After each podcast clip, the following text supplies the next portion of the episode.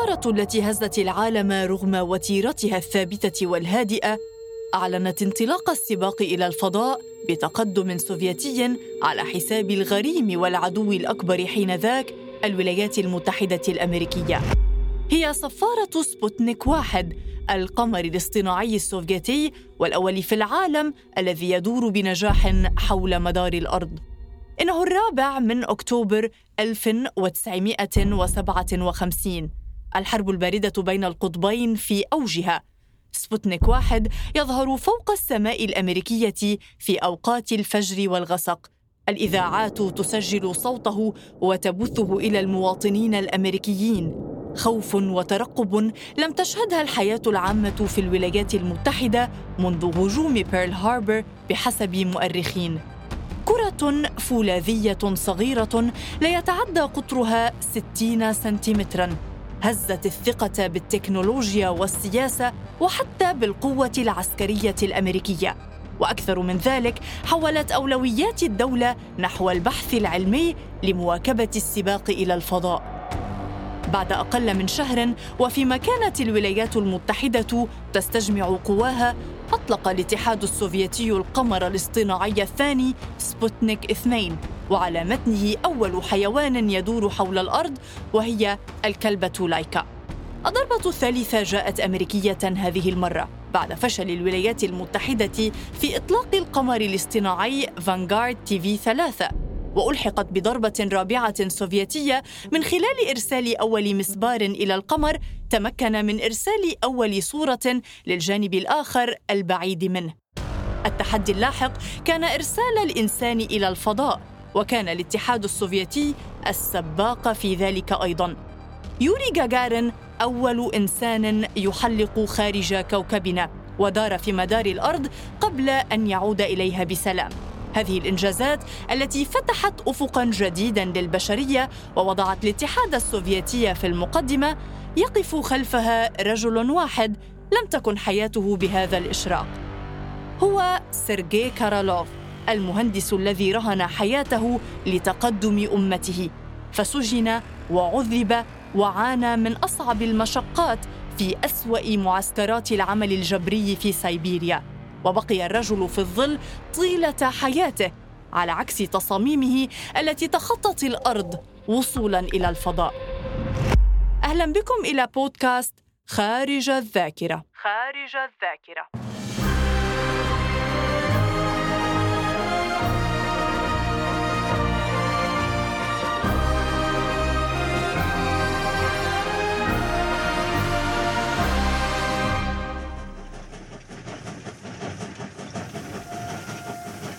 في قطار مكتظ بالمساجين نقل سيرجي كارالوف في رحلة شاقة عبر جبال الأورال والبيكال الروسية قبل أن يعبر بحر أخوتسك المتجمد في رحلة محفوفة بالمخاطر. شهران من الترحال في ظروف قاسية.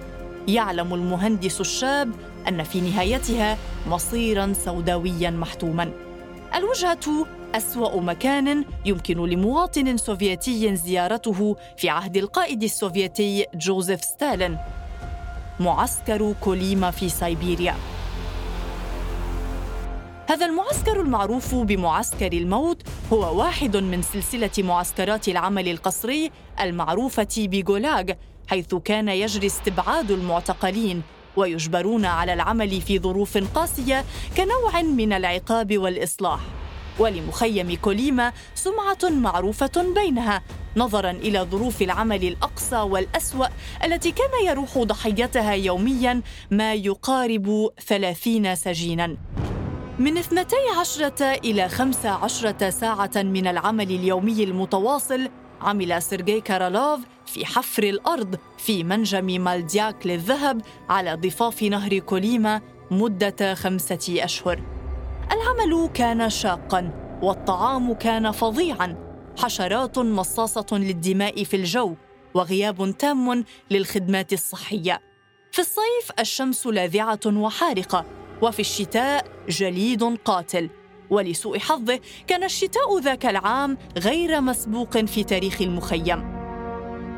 في هذه الفترة تعرض سيرجي للعديد من الإصابات من جراء ظروف العمل القاسية ووحشية المشرفين على السجن فعانى من إصابة في الرأس خلفت ندبة عميقة وانكسر حنكه. وبسبب سوء التغذية والمناخ الحاد عانى من العديد من المشاكل الصحية أدت إلى تساقط أربع عشرة من أسنانه. لنعد بالزمن إلى ما قبل ذلك حين صمم الشاب المولع بالطيران أول طائرة شراعية له في سن السابعة عشرة.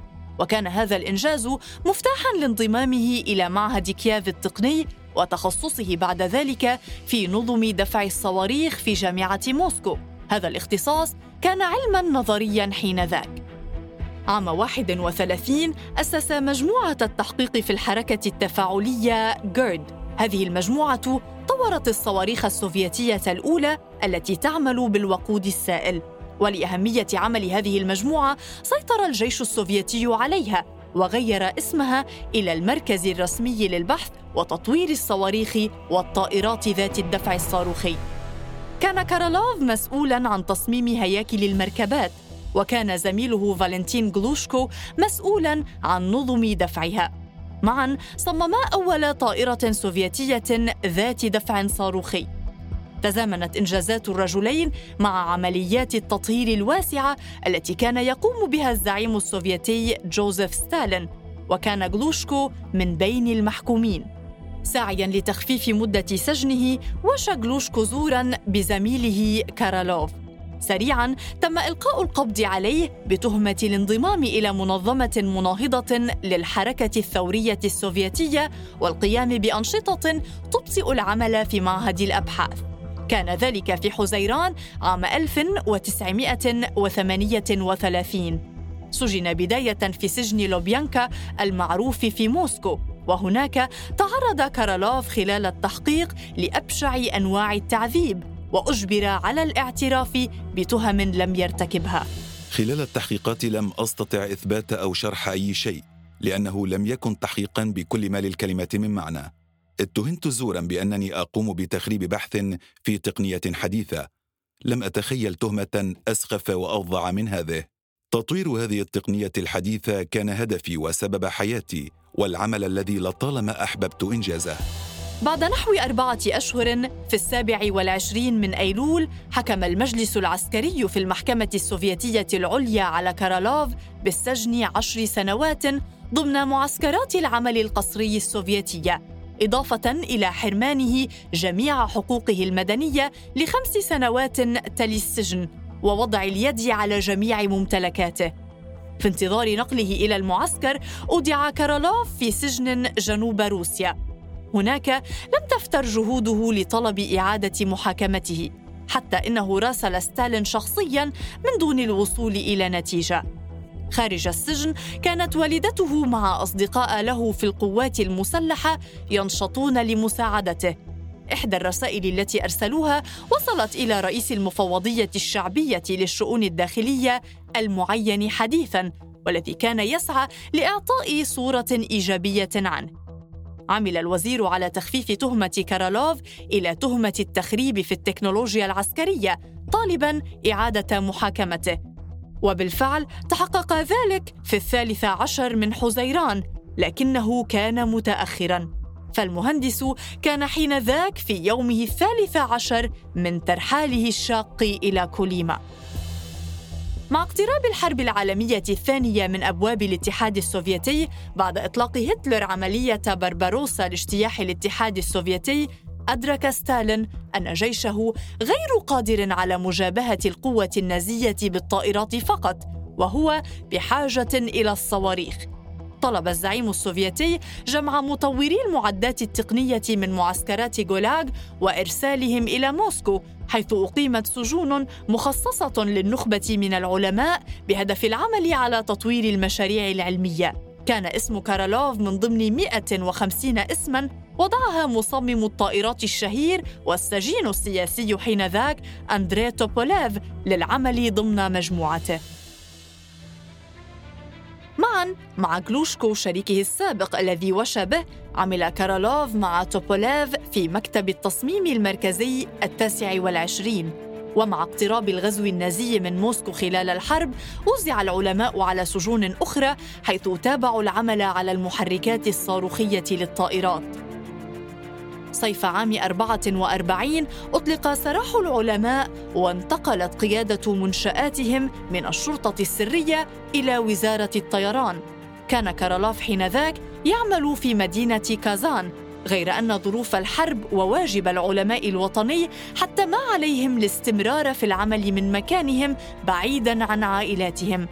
لم يغادروا مركز عملهم إلا بعد انتهاء الحرب بانتصار الاتحاد السوفيتي في أيار عام 45 بعد انتهاء الحرب أنشئ معهد البحث العلمي الرقم 88 وعين كارالوف كبير المهندسين المسؤولين عن ابتكار تصميم سوفيتي شبيه بصاروخ في 2 الألماني.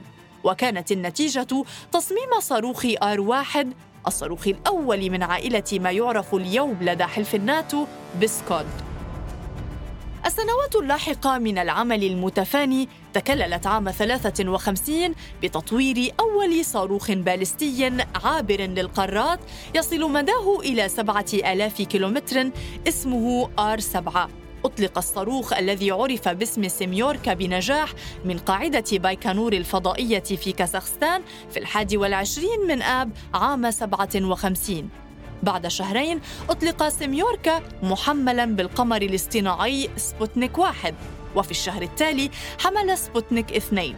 الصاروخ نفسه حمل المسبار الذي أرسل الصور الأولى من نوعها من القمر ومسبارين آخرين إلى المريخ والزهرة.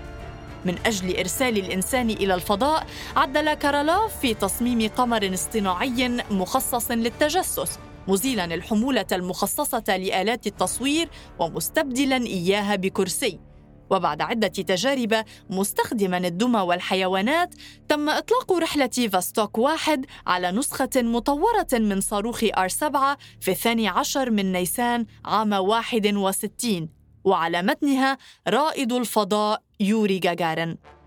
التفوق السوفيتي الذي لعب كارالوف دورا محوريا فيه أتى برئيس أمريكي جديد جعل من مشروع الفضاء أولوية.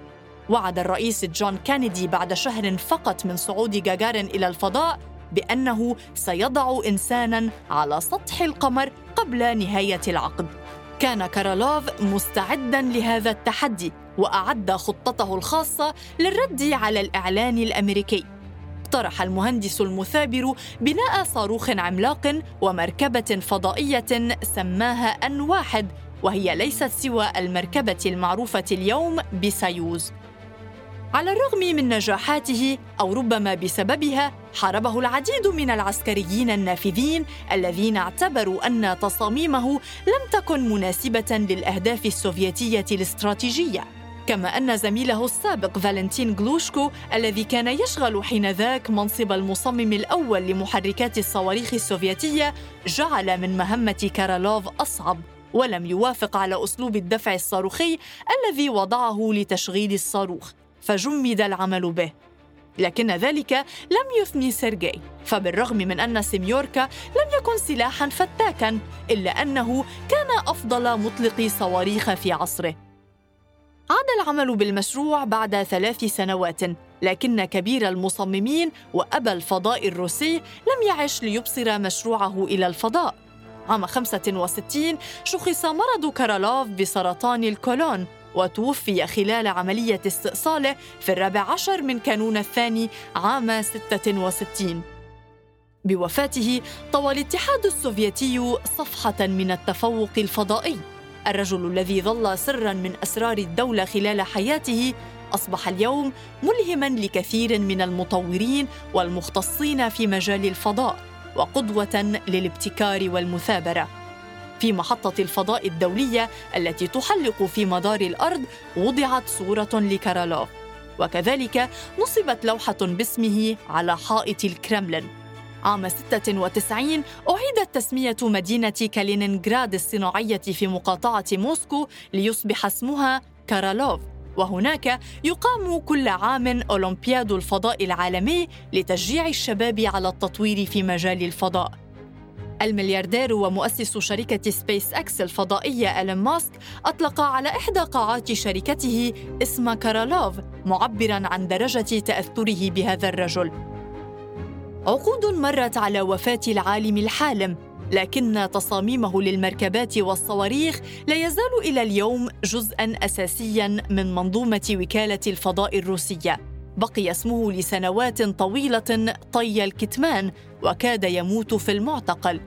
لكن مع فتح آفاق جديدة في السفر الفضائي قد تضع الإنسان على كواكب جديدة. سيكون اسم كارالوف محلقا بين النجوم. بعد أن كاد يطفا في عتمة زنزانة. بودكاست خارج الذاكرة. إعداد وتقديم سارة خازم.